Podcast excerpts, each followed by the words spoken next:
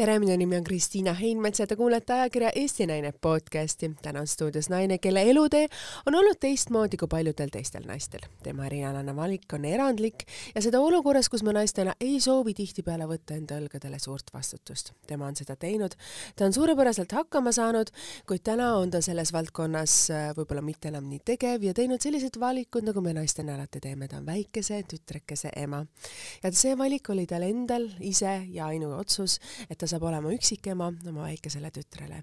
ja sellel hetkel, kui me rääkisime emaks olemisest siin mõned nädalad tagasi, siis mul läks hinge just see hetk, kus ta rääkis, kui õnnelikud me oleme naistena, et me oleme tütreemad ja kui palju me tegelikult enda ise, isekust peame kõrvale panema, oma egoistlikke võib-olla tahtmisi ja soove ja kui me vaatame nendesse väikestesse silmadesse, siis me mõistame, et see, et me või võib-olla vajame täna midagi, on tähtsusetu võrreldes sellega, et me saame täita oma pisikese tütre, selle pisikese olevuse, kes on meie hoolde antud, tema iga väikse soovi ja unistuse.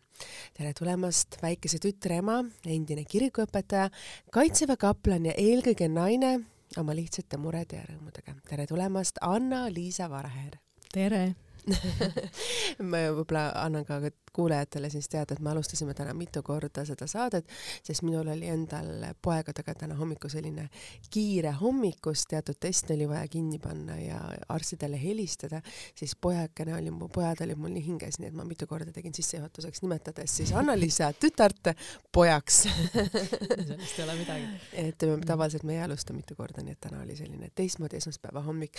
aga hakkame siis sellest pihta, et äh, sa läksid ju, lõpetasid Tartu Ülikoolis usuteadust valdkonna, et kust selline valik, et tihtipeale on selline väga mehine valdkond, seal õpivad mehed, kellel on võib-olla kindel nägemus ja kutsumus selles valdkonnas ka hakata tööle? ja ega see ei olnud mu esimene valik.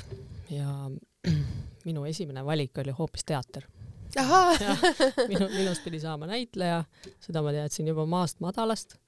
Ja, ja ma käisin ka lavakas, ma pakun, et vähemalt kaks korda proovimas sisseastumiskatsetel ja ei, ei õnnestunud. isegi Vil-, Viljandi kultuurikolledžis käisin ühe korra. et äh, see unistus mul purunes ja siis oligi see moment, kus ma ei teadnud, mida edasi teha niimoodi, et ma jäingi üheks aastaks siis nagu pärast keskkooli veel koju ennast koguma ja, ja siis selle aasta jooksul oli mul aega lugeda, mõelda, toimetada ringi ja siis tekkis mul huvi, noh, tekkis huvi idamaade religioonide vastu, idamaade filosoofia vastu ja sealt edasi siis mõtlesin, et ohoo, et teoloogia võiks olla huvitav valdkond, mida õppida. ja siis ma astusingi Tartu Ülikooli usuteaduskonda, küll kindlasti mitte mõttega kirikus töötada, et äh, ma olen seda ka rääkinud äh, varem, et äh, ma mäletan, kuidas ma istusin avaaktusel ja, ja ja vaatasin õppejõude seal rääkimas ja siis äh, keegi rääkis meie tulevik kiriku õpetajatena võib-olla nii ja naa ja siis ma mõtlesin appikene, ma ei taha küll elu sees kirikus töötada. jah, ei tohi mõelda nii aga teoloogia, kas olid ainukene naine kursusel või siis üliõpilane või oli seal veel teisigi naisi? Äh, oli ikka teisi ka, et ma mäletan, meid oli, meid oli nelikümmend kuus, kes Äh, tahtsid sisse astuda ja vastu võeti kolmkümmend jah, et mm -hmm. selles mõttes ja, ja noh, mehi oli ülekaalus tookord, noormehi. ja, ja kirikusse tööle reaalselt on läinud minu kursuselt siis äh, mõned, võib-olla kolm-neli minuga koos, et noh, tegelikult Tartu Ülikooli usuteaduskond äh, noh, ta ei olegi päris sellise suunitlusega, et see on ikka rohkem selline akadeemiline ma olen endal, on ka mitmed tuttavad, kes on selle, selle teaduskonna lõpetanud ja nad on öelnud, et see on pigem filosoofia. ja võib nii öelda küll, et ta on hästi-hästi avar. täpselt äh,. seinast seina, seal võib tegelikult õppida põhimõtteliselt kõike, välja arvatud muidugi mingid reaalained ja, ja, ja hästi palju keeli ja ja eks mina läksin ka rohkem nagu selle mõttega, et ma, ma täiendan ennast või ma harin ennast, aga siis ühel hetkel ma arvan, see oli teisel kursusel, kui mul tekkis selline seisak õpingutes, et ma jooksin omadega ummikusse, mõtlesin, mis ma nüüd teen, et kas ma tahan jätkata või mitte. ja siis ma märkasingi ülikooli teadete tahvlil kuulutust, kaplani kursus, noh, reservohvitseride kursus Paldiskis, et noh, tudengid, tulge. ja ma läksingi, et äh, mul see selline isamaaline tunnetus või, või, või selline aatelisus oli, oli juba ammu kuskil sees tiksumas, et et ma olin tookord ka põgusalt äh, Naiskodukaitsega liitunud, noh, ma ei olnud seal küll väga kaua. ja, ja kuu aega olime siis Paldiskis äh, väljaõppes ja, ja sealt nagu tegelikult ma selle impulsi sain. et siis ma läksin Leeri, noh enne lasin ristida ennast, ma, ma olin ju täitsa pagan. ja, ja siis ma järsku tundsin või järsku muutus ka see, ütleme selline kristlik maailm, kristlik filosoofia minu jaoks nagu hästi loogiliseks, et ma hakkasin nagu ka oma õpinguid hoopis teise pilguga vaatama, teistesse asjadesse süvenema. Ja, ja sealt edasi ma juba teadsin, et nüüd ma tegelikult tahangi kirikusse minna tööle kaplaniks õppimine, see on ju väga ekstreemne võrreldes filosoofilisest usuteadkonna, teaduskonnast minna siis selline mõnes mõttes ju püss seljas, need, kuidas öelda Rak, rakmed seljas, rakmed seljas, rammukssaapad jalas, et see on ju täiesti teine valdkond, et kuidas sa nagu sellega hakkama said, et hüppasid ühest keskkonnast teise, et kas see on üks osa sinu mõnes mõttes hingest, et sa oledki selline püsimatu ja valikud on äärmusest äärmuseni? võib-olla küll, et ma, ma, ma tahaksin või eelistan sellist äh, liikuvamat elustiili, mingit mitmekesisemat tööd ka, eks, et, et mitte väga rutiin, et noh, ütleme ka kaitseväes töötamine, noh, iga päev on erinev, sa ei tea mitte kunagi, mis, mis ees ootab, et äh, pluss siis see, et sa pead pidevalt ennast täiendama, sa oled nagu mingis mõttes kogu aeg nagu proovile pandud. kaitseväes? jah, nii vaimselt kui füüsiliselt, et noh, muidugi kaplan on natukene teistsugune, ta on erialaohvitser mm, -hmm. et äh, tema, tema töö on palju pehmem ja aga, aga teatud sellised militaarsed küljed tal ikkagi on ja ta peab ikkagi tegema samu asju äh,. distsipliin. jah, distsipliin, relva käsit-, käsitsemine, mingid füüsilised testid, kõik asjad, eks ju, et noh, need ju laienevad ka mis füüsiliste testide all sa mõtled, et siis see, et sa jaksaksid joosta teatud kilometraaži või mm -hmm. roomata kuskil metsas või käisid sa nendel metsas olevatel retkedel kaasas? jah, käisin ikka, mitte küll äh, nüüd ka kogu aeg ja väga palju, aga, aga olen käinud ja metsasõppustel, kui on olnud minu, minu kaasamine vajalik, siis ikka. kevadtormid, kõik asjad. ja no füüsilist testi me peame kõik tegema, et selle eest ei ole pääsu sa pead tegema seda iga aasta. mis on su see tavapärane, kuidas öelda siis äh, mm, tasakaalus hoidmine, et kümme kilomeetrit, viis kilomeetrit, viisteist? oi um, no, no füüsiline test, kui sa räägid füüsilisest testist, siis seal on kolm koma kaks kilomeetrit vaja joosta.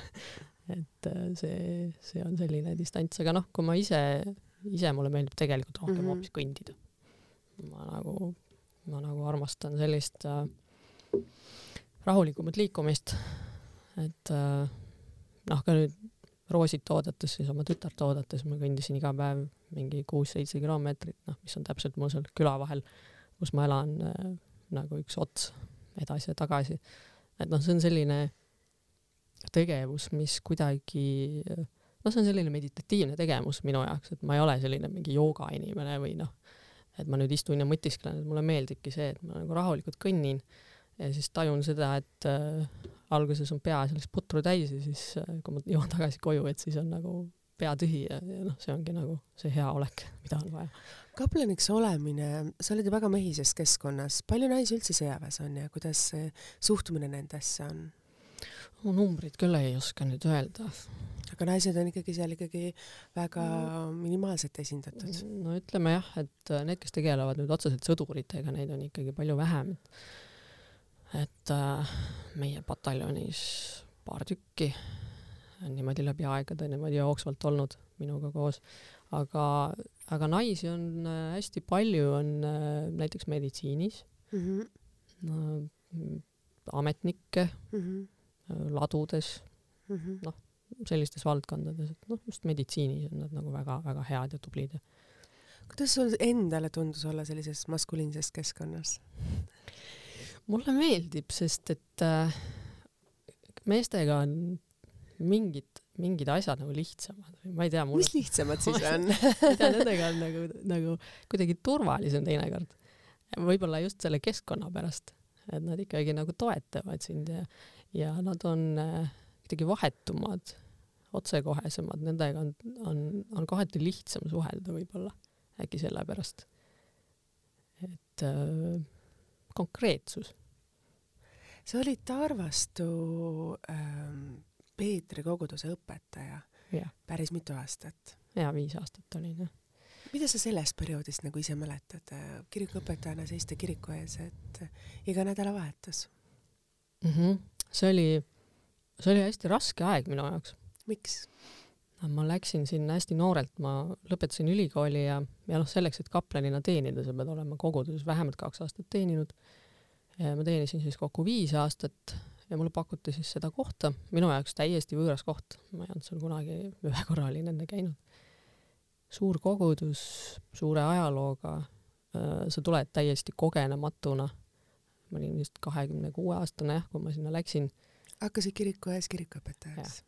jah, ja jälle tegelikult, siis ma nagu alguses ei tajunud seda, et see on ka hästi maskuliinne amet see on väga maskuliinne amet ju ja eriti see vastutus, mida sa seal võtad ja, ja arvestades ikkagi kirik on konservatiivne valdkond. ta on ja, ja kui sa tuled keskkonda, kus on enne teeninud ainult mehed ja väga-väga-väga selline respekteeritud meesliin ja siis ja. tuleb mingi plika, ütleme otse. kahekümne kuue aastast sa ütlesid mõnes mõttes väga õigesti, et see on ikka väga noor tüdruk. just, et et eks ma tegin ka väga palju vigu seal, aga samas, samas oligi see, et noh, seal oli nagu kaks leeri, et ühed, kes minuga lõpuni ei leppinud ja siis teised, kellele ma nagu väga sobisin ja kellega me suhtleme siiamaani. mis oli see, mis sulle ette heideti, et kindlasti see oli šokk väga konservatiivses keskkonnas noore tüdrukuna hüpata vette mm -hmm. ja ka mitte kogemusi omades, siis kindlasti neid pisaraid, mida sa võib-olla teinekord pärast oh jumalatunnistust valasid, neid ikka oli. oo oh jaa, et äh, ma arvan, et äh, mis, noh, ma ütlen, et seal oli tõesti, osadele ei sobinud, osadele sobis väga hästi, et noh, eks see ongi normaalne, ma arvan, igal pool. aga jah, see ütleme siis see konservatiivse pool võib-olla, äh, kellele ei sobinud minu teatav liberaalsus, ma arvan. ma olin kindlasti teistsugune kui olid eelnevad õpetajad, et ma olen siiamaani ka ja ma olen alati olnud seda meelt, et noh, me peaksime inimestena ikkagi olema sellised, nagu me oleme et ma ei ole kunagi tahtnud kirikus äh, inimeste ees seistes ka nagu rääkida midagi, milles ma ise pole veendunud või, või mida ma ise ei suuda teha. ja, ja siis ma võib-olla rääkisin mõnikord asju, mis äh, tundusid võib-olla liiga sellised maised, liiga, liiga ilmalikud võib-olla või noh, ma ei oskagi võib-olla seda hästi sõnastada, võib-olla liiga maised on õige sõna. et ma tahtsin rääkida inimesest ja elust endast ja siis äh, tema heitlustest, tema suhtest Jumalaga ja ka sellest, et noh, tegelikult ma nagu ei arva, et Jumal, Jumal eeldab, et me peame kogu aeg olema hästi kuidagi tõsised ja ja mida tõsisemad ja, ja, ja, ja alandlikumad me oleme, et seda, seda õnnelikumad on. ma nagu pigem nagu tahaks leida inimeses seda rõõmu üles, et ma usun, et et Jumal ikkagi tahab, et me tunneksime elust rõõmu, see elu on meil ju nii napp, et äh, võib-olla ma jah, selles suhtes natukene vastandusin. kas sa tunnetasid nagu seda vastuseisu, et kui ollakse harjunud ühe väga kindla valdkonnaga, mis sa ütlesid, on liini pidi tulnud ja nüüd sa tuled, keerad kõik selle pea peale? teatud määral jah. mitte, et ma oleks mingit revolutsiooni teinud. jaa, no kindlasti, aga, aga, aga, aga noh, ma arvan, et minu mõttemaailm kohati jah ei sobinud ja siis oli jah, siis oli täitsa teine valdkond, teine liini inimesi, kellele hästi sobis, noh, mul, mul näiteks leerikursuseid oli alati ja alati oli palju noh, maa kohta, maakoguduse kohta palju noori ja ja palju häid sõpru ja me räägime, siiamaani suhtleme, et äh, isegi mulle sinna Vastseliina metsade vahele nad tulevad külla teinekord, et noh, siis ma nagu tunnen, et ju ma tegin midagi õigesti ka, et et äh, minu jaoks oli probleem võib-olla see, et äh, et ma võtsin alguses seda kõike väga tõsiselt et igasugune kriitika ka, mis tuli, et ma võtsin seda väga hinge, ma olen hästi noh, võib-olla liiga ülemõtleja ja mm, esimesed aastad, ma arvan, lihtsalt põletasid mu läbi seal, et see oligi nagu see, see probleem, et ma nagu väsisin vaimselt hästi ära. pluss siis see, et äh, sa teed ju kogu aeg matuseid. et see oli äh, raske. see oli raske jah, et mida ma enam ei suudagi teha praegu, et äh, ristimisi, laulatusi on ka, on toredaid sündmusi ka, aga põhimõtteliselt su nädal on ikkagi selline, et sa seal nädala sees muudkui teed matuseid, laupäeviti ka, siis pühapäeval teed teenistusi, esmaspäeval hakkab see ring uuesti peale, pluss see, et et selleks, et üldse toime tulla, ma pidin ju ka töötama veel kõrvalt, eks ju, et äh, sa töötad kolme töökoha peal, pluss teenid kirikut, sul ei ole tegelikult ühtegi vaba päeva kas kirikuõpetaja amet ei ole siis selline, mis tasuks sul niimoodi ära, et sa pead ikkagi kõrvalt omama veel mingisugust ametit? mis oli see teine amet, mida sa kirikuõpetaja siis ameti kõrvalt pidid omama? et siis mõnes mõttes öelda, otseses mõttes ots otsaga kokku tulla oma elus. jah, võib-olla ma ei osanud elada, aga see on ka, et noh, sa saad ju hakkama, kui sul ei ole nagu teist varianti, aga aga no ühest küljest ma ei suutnud ka tegelikult seal noh, kirikus äh, põhimõtteliselt ikkagi üksi olla, ma olen niisugune meeskonnainimene. jah, seal on juhatus, sul on seal mingisugused äh, inimesed, kes aitavad sind, aga sa oled ikkagi põhimõtteliselt üksi see karjajuht. et äh, noh, see oli ka nagu üks aspekt ja teine asi oli loomulikult see, et, et sa pead ju majandama ennast ka, et noh, okei okay,, sa elad pastoraadis, mis on hästi külm ja, ja et selle eest ei maksa, aga, aga noh, noor inimene, sa tahad ikkagi ju elada normaalselt. et mina töötasin kõrvalt äh, Tarvastu teataja, toimetajana, selline kohalik leht siis mm. -hmm. kuna ma ülikooli ajal juba hakkasin ajalehes Eesti Kirik äh, kirjutama lugusid ja, ja toimetama ja noh, siiamaani tegelikult äh, kolumne kirjutasin enne, enne kui mul laps sündis, et nüüd ma tegin pausi. et noh, selline kogemus oli olemas, kirjutada mulle meeldib.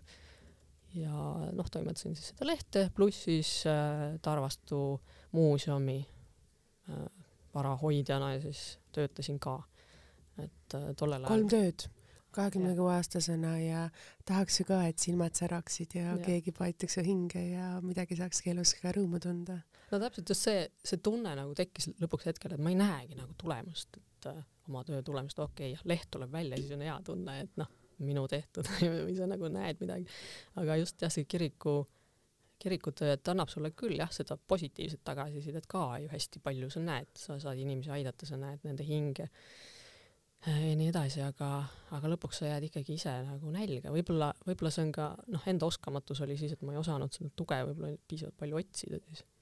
aga noor on ju, kahekümne kuue aastane noor ei oma ju kõiki neid kogemusi ja neid teadmisi ja, ja neid oskusi võib-olla iseennast aidata, võib-olla märgatagi, et ma vajaksin abi no täpselt, et äh, kui ma sellest lõpuks aru sain, siis oli juba, siis ma olin juba väsinud, noh, tegelikult oli see väga hea elukogemus minu jaoks ja ma, ma hindan neid aastaid väga kõrgelt, mis seal olid, et, et noh, praegu võib jääda mulje, et nagu kõik oli hästi jube, noh, tegelikult ei olnud, seal oli väga palju head ja positiivset.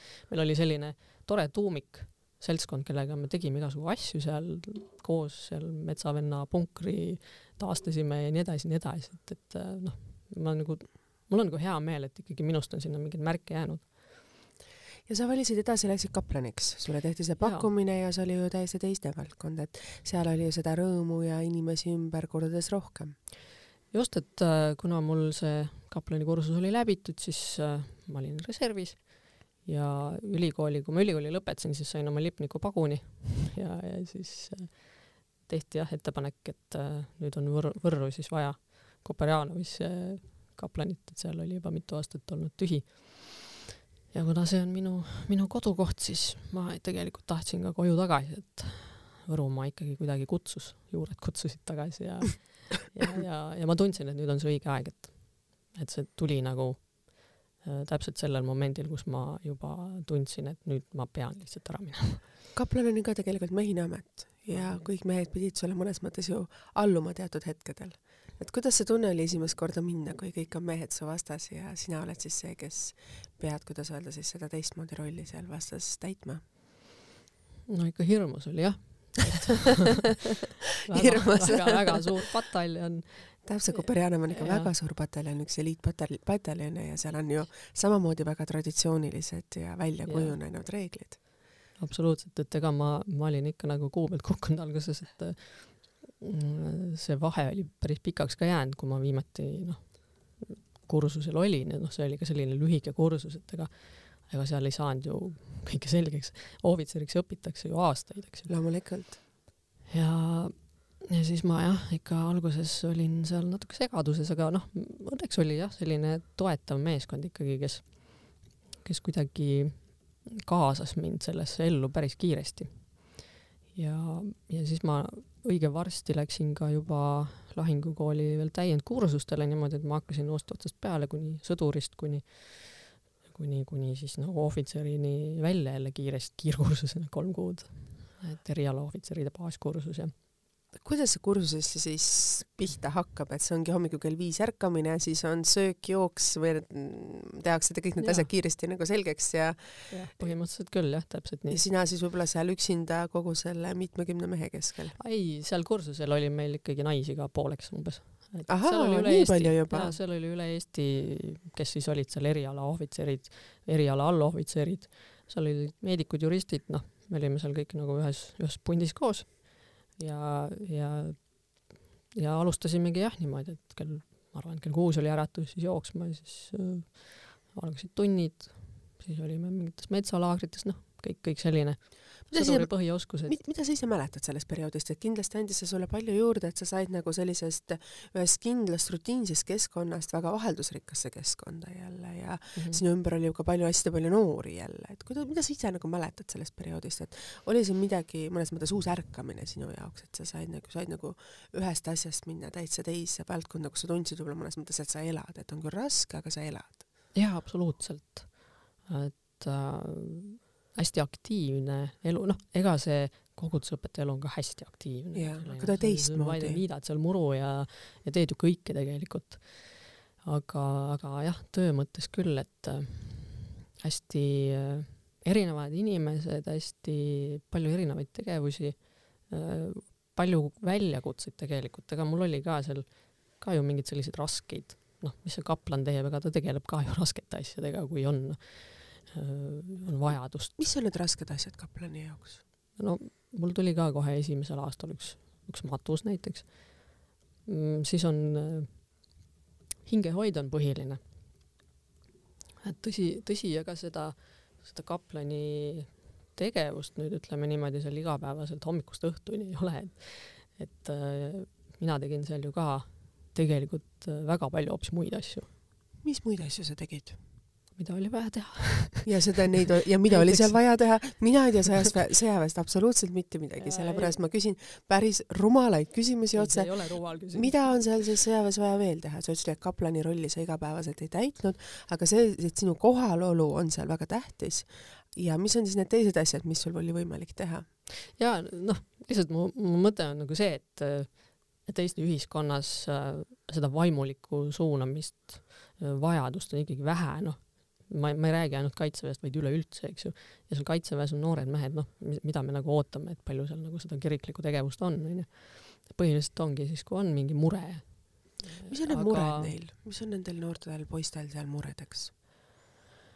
Äh, eks ikka koduigatsus, kohanemisraskused, mingisugused kodused probleemid on põhiliselt, mida mida ei ole võimalik seal selles kinnises keskkonnas lahendada, mis on väljaspool ja see ongi see kõige hullem, äh, mis rõhub tegelikult ju inimest, ah, ma ei saa midagi teha, ma olen siin kinni, eks ju, kodus on mingi, ma ei tea, tüdruksõber võib-olla seal, ma ei tea, läheb kellegi teise juurde, mida iganes, et noh, sellised asjad põhiliselt, pluss siis ka on, on äh, probleeme, mis laienevad kuskile sinna sotsiaalvald-, valdkonda, et noh, nüüd täna on meil juba ka sotsiaaltöötajad äh, olemas kaitseväes, et õnneks nagu selle võrra on nagu lihtsam.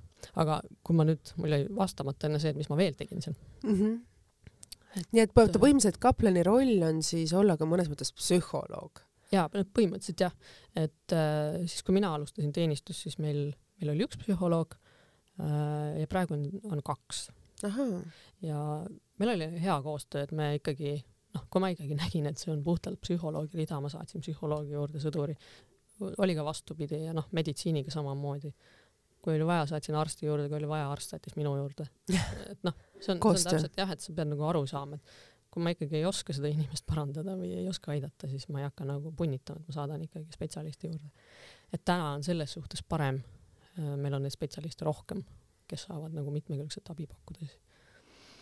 aga minul oli jah, et, et eks ma siis vahepeal tegin meediatööd mis mõttes meediatööd no,? selles mõttes, et äh, kaitseväes on oma teabeohvitser, et vahepeal äh, sain tema ülesandeid endale või asendasin või aitasin, kui oli vaja, noh näiteks kuskil käia pildistamas, mida iganes äh,. tsiviil-militaarkoostöö. mis asi see on? see on äh, nüüd selline valdkond, et äh, kui on näiteks mingid õppused äh, seal on vaja siis näiteks üksusel suhelda kohalike inimestega, omavalitsustega, mingite talumeestega, et siis on see üks inimene, kes seal siis äh, vahendab läbi, räägib läbi näiteks mingid avalikud suhted ah,. jah, ütleme nii mingeid maa-alasid kooskõlastada, noh, mingi, mingi selline teema. natukene personalitööd, noh, selliseid nipet-näpet, et noh, vahepeal, vahepeal ka lihtsalt nagu kui oli vaja, et mingi ühekordne ülesanne, et noh, ma ei tea, sõdureid viia kuskile, et ole hea, äkki sa saad siis ära käia ja põhimõtteliselt sõjavägi on selline eksisteeriv selline perekondlik üksus, kus teinekord rollid jaotuvad erinevate ametite vahel ära, kuidas öelda siis, sünergiliselt. jaa, see on ikkagi väga tugev meeskonnatöö, et et eks me ikkagi aitame üksteist ja ega teisiti ju ei olegi võimalik, et kui sa tahad olla nagu selline kaitsevõimeline, aga, aga jah, muidugi õppustel kui me räägime siis jah, nagu sellisest päris kaplani rollist, eks, eks langenute hooldus lahinguväljal, kõik, kõik, kõik sellised teemad olid ju minu kanda, noh, seda ei ole ka palju, see on tegelikult väga väike osa sellest väljaõppest, aga väga oluline osa näiteks minu meelest no.. seda kindlasti. sa oled Võrust ju pärit, Võrus sündinud ja nüüd ka Võrus olid ju sellest väga pikalt ju sellest kaplaniks mm, -hmm. et mida sa nagu ise oma lapsepõlvest nagu mäletad, et sa seda soovisid saada näitlejaks, siis mm -hmm. teadsid seda, et tuled Tallinnasse, Tallinn film ja kõik need väiksed, kuidas öelda, kindlasti filmid ja teater ja, oli see, mis oli sul hinges, et kuidas sa selle teekonna endale leidsid lapsena? ma isegi ei mäleta, ilmselt ma lihtsalt vaatasin mingisuguseid telelavastusi ja sealt hakkas see külge et äh, mul oli väiksena või nooremana hästi-hästi vaikne hääl ja siis mulle kogu aeg öeldi, et sinust ei saa kunagi näitlejat, et äh, unusta ära, noh. ja siis ma hakkasin kodus treenima ise, ma mäletan, üksinda või lugesin mingeid tekste kõva häälega peegli ees ja lõpuks see hääl ikkagi mul tuli kuskilt, et noh, kirikus ei saa ju ka sosistada, et pead mm -hmm, pead ju rääkima. Ja põhikooli teises pooles äh, läksin ma näiteringi Võrus oli selline näitetrupp nagu Õkva Prõlla ja siis mina ja siis mu klassikaaslased äh, siis tegutsesime seal kuni keskkooli lõpuni. kas mõni su klassikaaslane läks edasi näitle, näitejuhtimist õppima või näitlejaks ja on ta selle erialaga siis valinud oma päris erialaks? Äh, klassikaaslastest proovimas käis küll, meie nagu minu klassist meil keegi sisse ei saanud, aga aga paralleelklassist küll üks ja üks noormees, tema sai Viljandisse sisse ja lõpetas ka ära ja vahepeal ka tegutseb sellel erialal, elab sealkandis, kus mina praegu olen Vastseliina seal metsade vahel. sa nii ilusasti ennem ütlesid, et sa oled teinud ka kunagi raadiopalvuseid ja sa ei ole kunagi mhm. ära harjunud oma häälega, et sa ei taha seda kuulata, et sa kunagi neid raadios mida siis öelda siis sisse loetud palvusi ise ei ole kuulanud, et sa ei suutnud seda teha. täna sa räägid, et sul ei olnud noorena häält, et sa ekstra treenisid seda, sa oled olnud kirikuõpetaja. Need on kõik nagu kuidagi vastastik, vastandlikud äh, laused üksteise osas.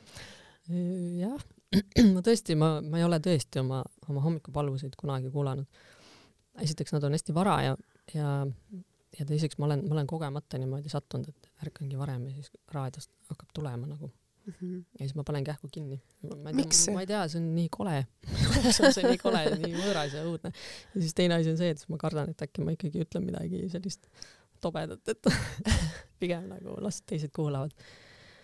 ja, ja noh natukene vastuoluline on see ka, et tegelikult ma hullult kardan esinemist, et see on, see on nagu ja su elu ja sa esinesid ju iga nädalavahetus. jaa, ja ma olin iga kord nagu nii närvis, et pärast, pärast jumalateenistust või pärast mingit kõnepidamist näiteks pataljoni ees, mul hakkas alati pea valutama et noh, see pingelangus oli nagu, nagu suur, et et äh, noh, ma õppisin küll jah, nagu vähemalt seda talitsema seda, et, et mul ei paista nagu enamasti silma see, et kui ma olen närvis, aga ma alati nagu nii kohutavalt pabistan ja see ei lähegi üle, ma mõtlesin, et see läheb aastatega üle, aga ei lähe. sa just äh, mainisid äh, ka mõned hetked tagasi, et, et sa oled praegu nüüd lapsega kodus, oma väikse tütre Roosiga kodune ja sa ei taha minna tagasi sellele tööle enam, mida sa ennem, ennem lapse ootust nagu tegid. miks? Ehm, minu jaoks on see kuidagi ära ammendanud ennast, et äh, mul on järsku tekkis tunne, et mul ei ole nagu inimestele midagi öelda enam või, või et, ähm, et minu jaoks muutus religioossus ka ühel hetkel nagu nii isiklikuks asjaks. et ma järsku tunnen, et ma ei ole võib-olla õige inimene seda vahendama.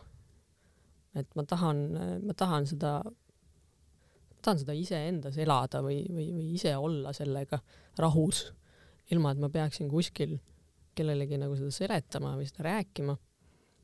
Ja mul on nagu see tunne, et, et noh, kes ma nagu olen ütlema seda, mis on nagu siis see tõde või noh, tegelikult ma ju ei tea.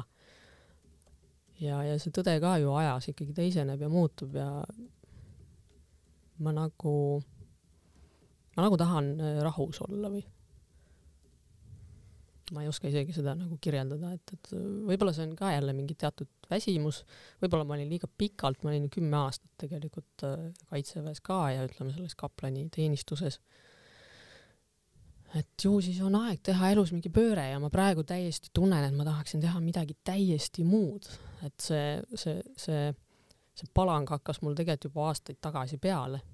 ja siis ma tegingi selle sammu, et ma õppisin vahepeal hoopis abikokaks abikokaks, oi jumal Läksin, läksin Võrumaa Kutsehariduskeskusesse ja, ja tegin selle abikoka kursuse aastase. ja see oli hästi hea, seda sai töö kõrvalt nagu mõnusalt teha, et pataljoni ülem oli nõus ja üks, üks, üks päev nädalas. et see nagu andis mulle mingisuguse siukse rõõmu, et noh, sa teedki midagi oma kätega valmis, vaata ma näen nüüd, et ma tegin mingi strooganovi valmis, et see on nagu kuidagi nii teistmoodi, teistmoodi tunne ja teistmoodi tegevus ja mulle see kuidagi hästi meeldis. et see füüsiline ja vaimne tegevus peab olema tasakaalus. jah, absoluutselt.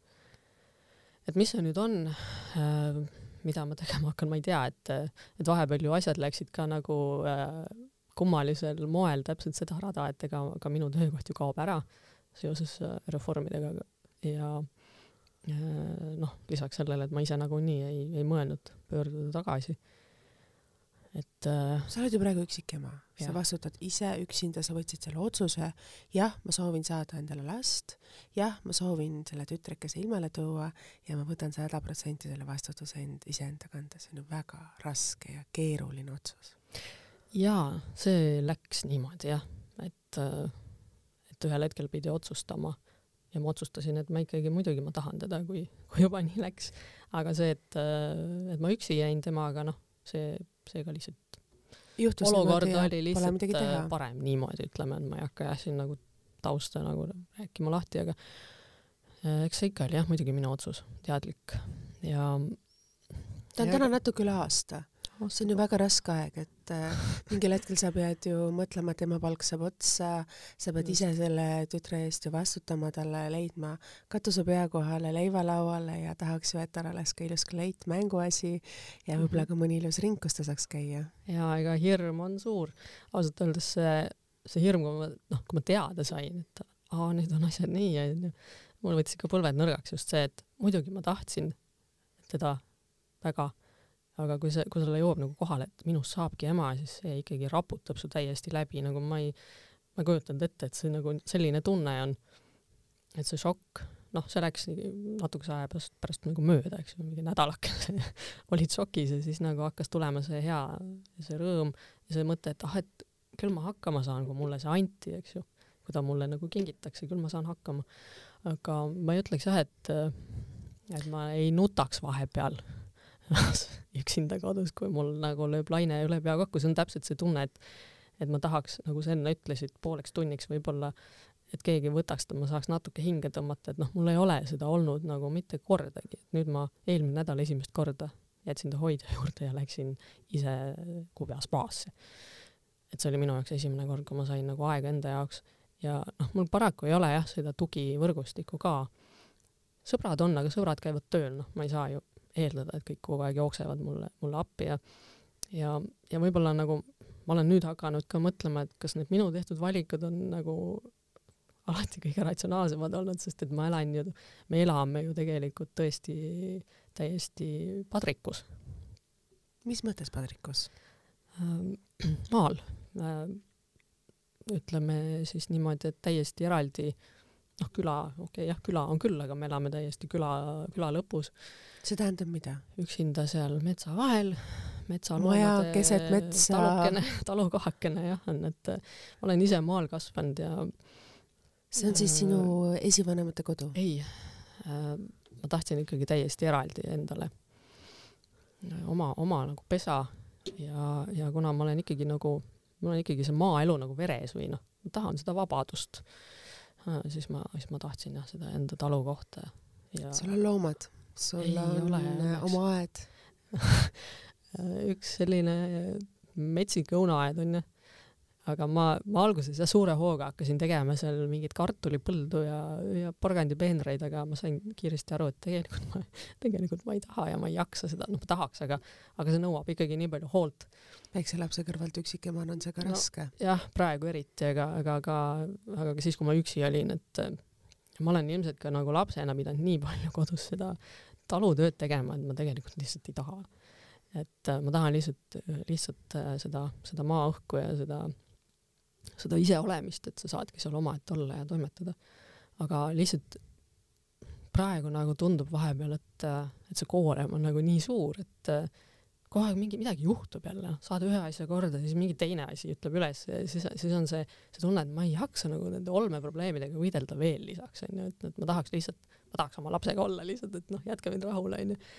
aga ei saa, et sa, sa oled kogu aeg nagu mingisuguses kerges stressis, et midagi jälle juhtub, noh, nüüd jälle, noh, kanalisatsiooni on uut vaja, nüüd ma pean mõtlema, kust, kuidas seda nagu organiseerida, onju. et noh, sellised asjad nagu väsitavad. Sa oled siis kaugel, sa ütlesid, sa oled kuskil ääres, selle küla ääres, see tähendab seda, et sinu juurde viib siis murutee, mis on kruusatee, siis on ikkagi veidi, veidi parem olukord mm, -hmm. sest mhm. ikkagi oleks selline päris pehme tee siis vankriga ja väikse lapsega oleks ikka väga keeruline. ja ei, õnneks meil ikkagi hoitakse teed lahti ja ja selles suhtes on liigeldav, et see, see sügis ma sain ka endale sinna kruusa enda sissesõiduteele, muidu ma istusin oma hoovis kogu aeg enda autoga kinni, siis kui vedelam aeg oli, et et nüüd on selle võrra parem. et ähm, jah, ta on selline eraldi koht, aga aga noh, see oli see koht, mida ma, ma tegelikult äh, olin otsinud aastaid. ma elasin vahepeal Võru linnas ametikorteris mm -hmm. alguses ja, ja ja mulle nagu ükski koht ei meeldinud, kus ma käisin, ma käisin terve Võrumaa läbi ja siis see oli see esimene koht, kus ma tundsin, see on nagu, mulle meeldib siin. kuigi see maja oli nagu tõesti selline pabajaga maja, et, et, et kukub kohe, kohe laiali, aga. sa ärkad hommikul üles ja hakkad kütma? jah, kohe tuleb liidi alla. kes sul puid raiub? mm,? siiani ma olen ostnud lõhutud puud ikkagi ma ei, ma ise jah, seda ei jaksa teha, et et õnneks on seal külas ka inimesi, kes tegelevad igasuguste puude lõhkumiste ja asjadega. sa palud abi ja inimesed aitavad? jah.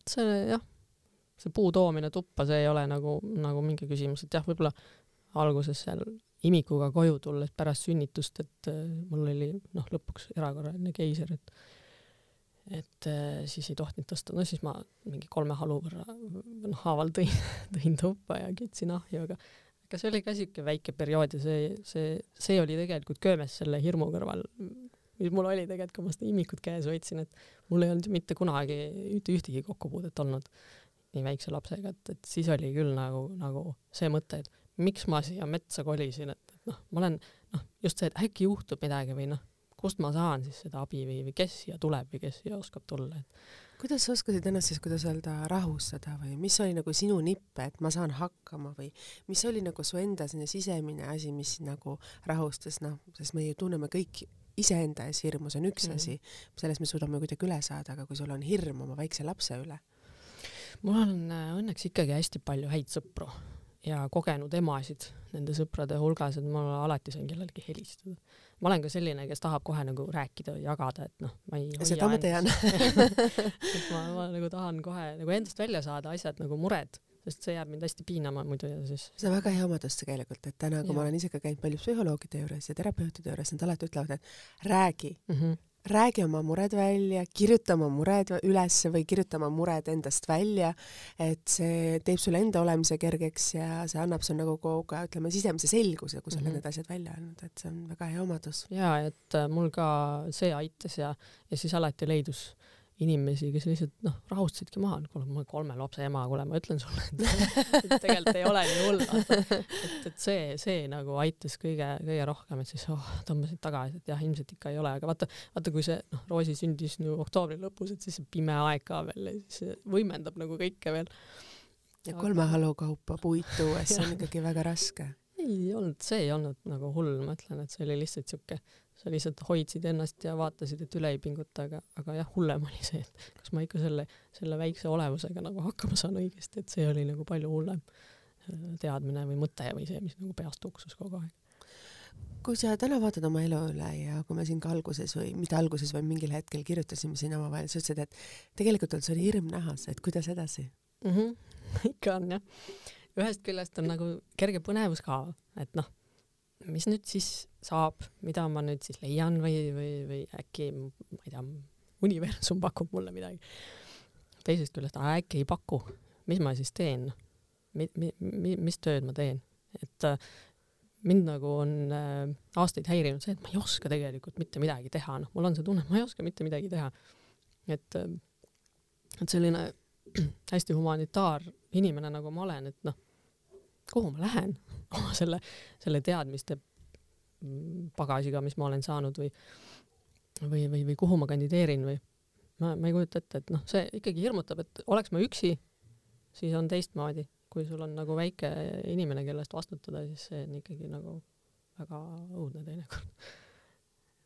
kuidas edasi siis, kuidas oled nagu ise mõelnud, et äh, mismoodi või kuidas, sest noh, emapalk saab varsti otsa, kolm aastat sa võid küll olla lapsega kodus, aga ilmselgelt sellest väiksest sotsiaaltoetusest ju ära ei ela, isegi puugitega majas. üheksateist eurot, jaa, ei saa jah, ühe paki mähkmeid saab. ei, ma mõtlen, et aprillis, ma aprillis äh, lõpeb ära et eks ma siis võtan töötuks ja vaatan, mis saab mis on see valdkond, millega sa ise tahad, aga tahaksid nagu tegeleda, et noh, kirikuõpetajana võib-olla täna on jälle võib-olla huvitav, sest see on ka üks osa su kogemusest ja. olnud ja täna, kus sul on ka see vanust ja seda nii palju erinevaid, kuidas öelda siis, elukogemusi läbitud asjad, võib-olla see on võib-olla midagi, mis on jälle mhm. teistmoodi. no see variant on muidugi, ma arvan, alati olemas ja ja kindlasti ma nüüd oskaks ka paremini ennast hoida ja teisiti asjadele läheneda, ma arvan, aga, aga ma, mul on kuidagi tunne, et ma ei ole veel valmis selleks. või enam, noh, ma ei tea, tegelikult ma ei ole ka nagu ust kinni löönud, aga aga ma veel nagu oleks ettevaatlik selles suhtes. aga mida sa tahaksid ise teha? mida sa tunned, kuhu sa tahaks, tahaks minna või suunata oma elu? ma tahaks, ma tahaks teha midagi loomingulist muidugi, noh, mulle meeldib hästi kirjutada ähm, mingisugust äh, organiseerimist, mingit äh, noh, ikkagi jälle kui võimalik, siis mitte väga rutiinset tööd, aga aga eks lõpuks ongi niimoodi, et teed seda, mis vaja on.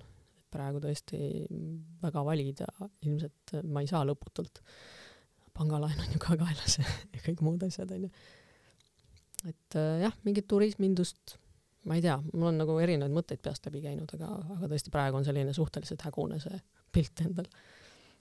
kuidas sa iseennast nagu selles mõttes tasakaalus hoiad, et kõik need hirmud, mis sul on ja kõik need valikud, mida sa oled elus teinud, et mis sind ennast nagu hoiab tasakaalus, et kui sa tunned, et ma nüüd olen läbi põlenud või mul on nagu raske, et kas sa loed raamatut või lähed metsa jalutama või mis on mm. nagu sinule, mis annab nagu sulle selle energia või sisemise tasakaalu tagasi? ma olen selline grafomaan.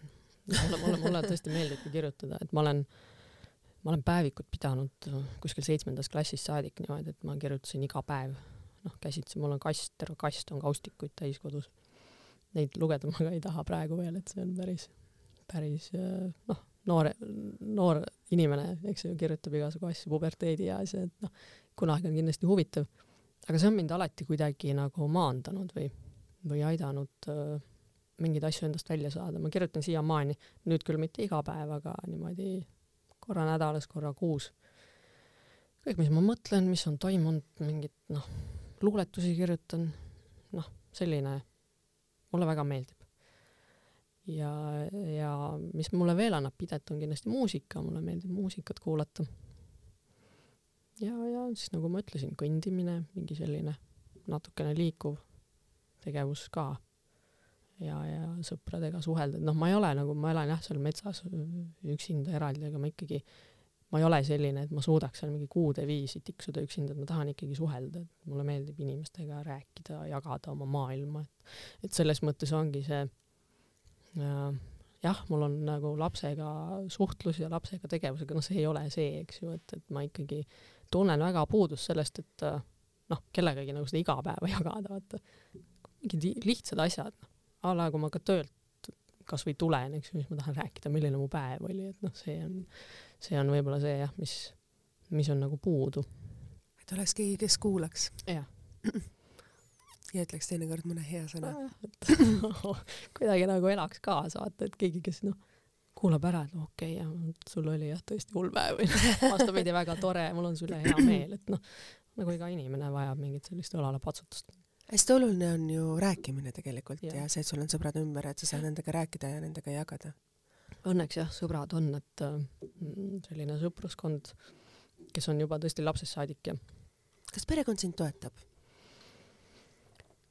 noh, perekonnaga on, äh, on, ei ole väga lähedased suhted võib-olla, et eks äh, õde ja vend on nagu distantsi mõttes on kaugel ja, ja noh, vanemad on mul lahutatud ammu, enne kui ma sündisin, ammu, vaid noh, jah, enne minu sündi juba.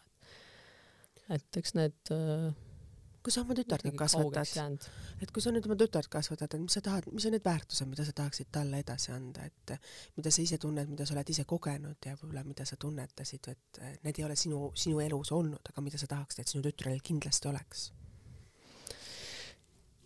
mingit emotsionaalset tarkust kindlasti. -hmm. ja see on emotsionaalset turvatunnet. Et äh, tütre sünd on tegelikult väga-väga palju pannud mind mõtlema näiteks selliste suguvõsa mustrite peale mm. see on nagu, see sai järsku nii aktuaalseks ja ma, ma järsku hakkasin nägema seda, kui palju ma olen tegelikult ise nendest mõjutatud, mis on olnud nagu sugupõlvede kaudu minuni kandunud. ja mida ma juba natukene olen näinud, et ma hakkan edasi andma tahtmata. Noh, tahtmatult nagu mm. oma tütrele ma ei taha, et ma seda teeksin et see on nagu hästi hirmutav äratundmine olnud ja, ja samas mul on hea meel, et ma seda nagu olen märganud, sest et ma usun, et siis on nagu võimalik midagi parandada, kui sa märkad, eks ju. mustrit on võimalik muuta, kui Just. me teeme selle otsuse, kui me näeme midagi, mida me ei taha, et meie lapsed endas kannaks. täpselt, jah. ja ma olen lihtsalt praegu selles seisus, kus ma tõesti nagu, nagu, nagu püüangi aru saada, kes seal suguvõsas mul on, kes mida teinud on, millised nad on olnud. tean oma suguvõsast väga vähe kahjuks, aga noh, no kuskilt ikka midagi, infot saab. ja lihtsalt mul oleks nagu vaja kedagi, kes nagu mind natukene võib-olla aitaks, et noh, ma olen mõelnud mingi konstellatsiooni või, või, või mingi muu teraapia peale, et, et saaks need endast, endast mingisugusedki mm, sellised harjumused ja, ja tõesti mustrid nagu välja juurida või, või kas välja juurida ilmselt ei ole võimalik, aga et ma vähemalt äh, suudaks nagu oma lapsele mingid teised mustrid anda edasi mis on need mustrid, mida sa tahad edasi anda, mida sa tunned, et sa tahad ise muuta oma lapsepõlvest? sa ütled, see on see emotsionaalne nagu yeah. tarkus, emotsionaalne tasakaal et et see on see, et laps, et sa oled lapse jaoks olemas igapäevaselt. just ja, ja samas nagu lasen tal, tal nagu ise, ise leida, eks ju, et ma oleks pigem nagu suunaja, et ma, et ma noh, ei ei püüaks nagu liiga suurt kontrolli haarata jällegi noh. et, et äh, võib-olla, võib-olla ma noh, kardan seda, et ma hakkan teda liiga kammitsema või, või ma hakkan talle mingeid oma nägemusi pressima peale või noh, ma ütlen, et ei, see on nagu vale, sa pead tegema nii või naa, et et laskma tal rohkem nagu ise kobada ja, ja vajadusel olla just see, kes püüab ta kinni, kui on, on vaja teda kinni püüda. Et, et selles mõttes Need on väga ilusad sõnad, ma ütlen, need on väga raske teha. jah, ma täitsa, ma täitsa juba tunnen seda. et me ikkagi tuleme oma mustritega ja me tahame kuidagi neid välja suruda, sest need on meie, meie sees ja meie harjumused. just, just ja, ja, ja see täiesti hirmutavalt vahepeal nagu, sa tunned, et nagu keegi teine võtab sulle võimust, vaata, et siis mõtled stopp, et noh, mida ma jälle tegin, mida ma jälle ütlesin, et noh, et väga-väga äh, raske töö jah. et si siiamaani, siiamaani ma tulin nagu toime, sellepärast et noh, mina ise, ma saan ju hakkama selles suhtes, et no mis, mis see mind nagu, ma, ma elan oma elu ja olengi oma mustritega ja, ja see mind ei takista, aga just see, et nii vastutus kaua, uue inimese ees on, muudab meid. oma lapse ees, noh, nagu see arusaamine ühel hetkel, et kui ma nagu kedagi teist hakkan kahjustama, et siis on see nagu halb ju. Mm.. eriti oma last, et noh, teiste inimestega, noh, nad annavad andeks võib-olla või sa saad nagu kuidagi siluda, aga aga oma, oma lapse puhul sa pead ikkagi väga hoolikas olema selles suhtes, et mis, mis talle nagu edasi kandub. et jah, asjad, millele ma ei osanud mõelda enne aitäh sulle, Anna-Liisa, et sa stuudiosse tulid, me oleme juba tunni vestelnud muuseas. ja ma näen, et su pisikene on siin ukse taga, sa tulid, tulid eile Võrus selleks, et me saaksime siin hommikul juba selle, kuidas öelda, podcast'i ära salvestada, et sa jõuaksid õhtul õigeks ajaks siis tagasi. sa ütlesid, et Tallinnasse tulek on sinu jaoks väga suur ettevõtmine. aitäh, et sa tegid seda, aitäh, et sa leidsid endale nii toreda hoidja, kes siin ukse taga käib aeg-ajalt lehvitamas, mida sina ei näe, mida mina aeg-ajalt näen et Roosikene lehvitab, vaatab, et emme on kõrvaklappides siin stuudios mm. -hmm. aitäh, et sa tulid, jagasid oma lihtsaid, kõige siiramaid, ausamaid naiseks olemise mõtteid ja oma erilist elukogemust, oma erilist kirjutamist, oma, nagu sa ütlesid, sulle meeldib kirjutada, kirjutamine mm -hmm. on üks sinu selline teraapiatest. kuidas sina oled oma elulugu kirjutanud? suur aitäh sulle, et sa mind kutsusid, et ma ütlen, ma alguses natukene mõtlesin, kas ma hakkan seda retke ette võtma ja kõik ja siis ma, siis ma nagu tuli kohe teine mõte, et aga kui sulle midagi pakutakse, siis sa peaksid sellest kinni haarama, sa kunagi ei tea, milleks see nagu on hea ja praegu ma tunnen ka, et mul oli nii hea meel, et ma sain rääkida et äh, et aitäh, et sa tulid ja aitäh, et sa rääkisid seda, päriselt rääkisid, mitte lihtsalt sa ei mõelnud välja, et ma nüüd hakkan ilusat juttu rääkima, vaid sa Just. rääkisid päriselt seda, mida sisemiselt mõtled ja seda oli tunda. aitäh sulle! aitäh sulle veel kord, aitäh teile, kallid kuulajad, et olite selle tunnikese meiega. teistmoodi saade, teistmoodi tunded, jälle teistmoodi emotsioonid. iga nädal ja igal reedel. ja nagu ikka, on Delfi taskukeskkonnas see saade kuulatav samamoodi Spotify's ja SoundCloudis. kohtume teiega taas kord nädala pärast ajakirja Eesti Naine podcastis Iga naine on lugu. aitäh teile ja nägemist. thank you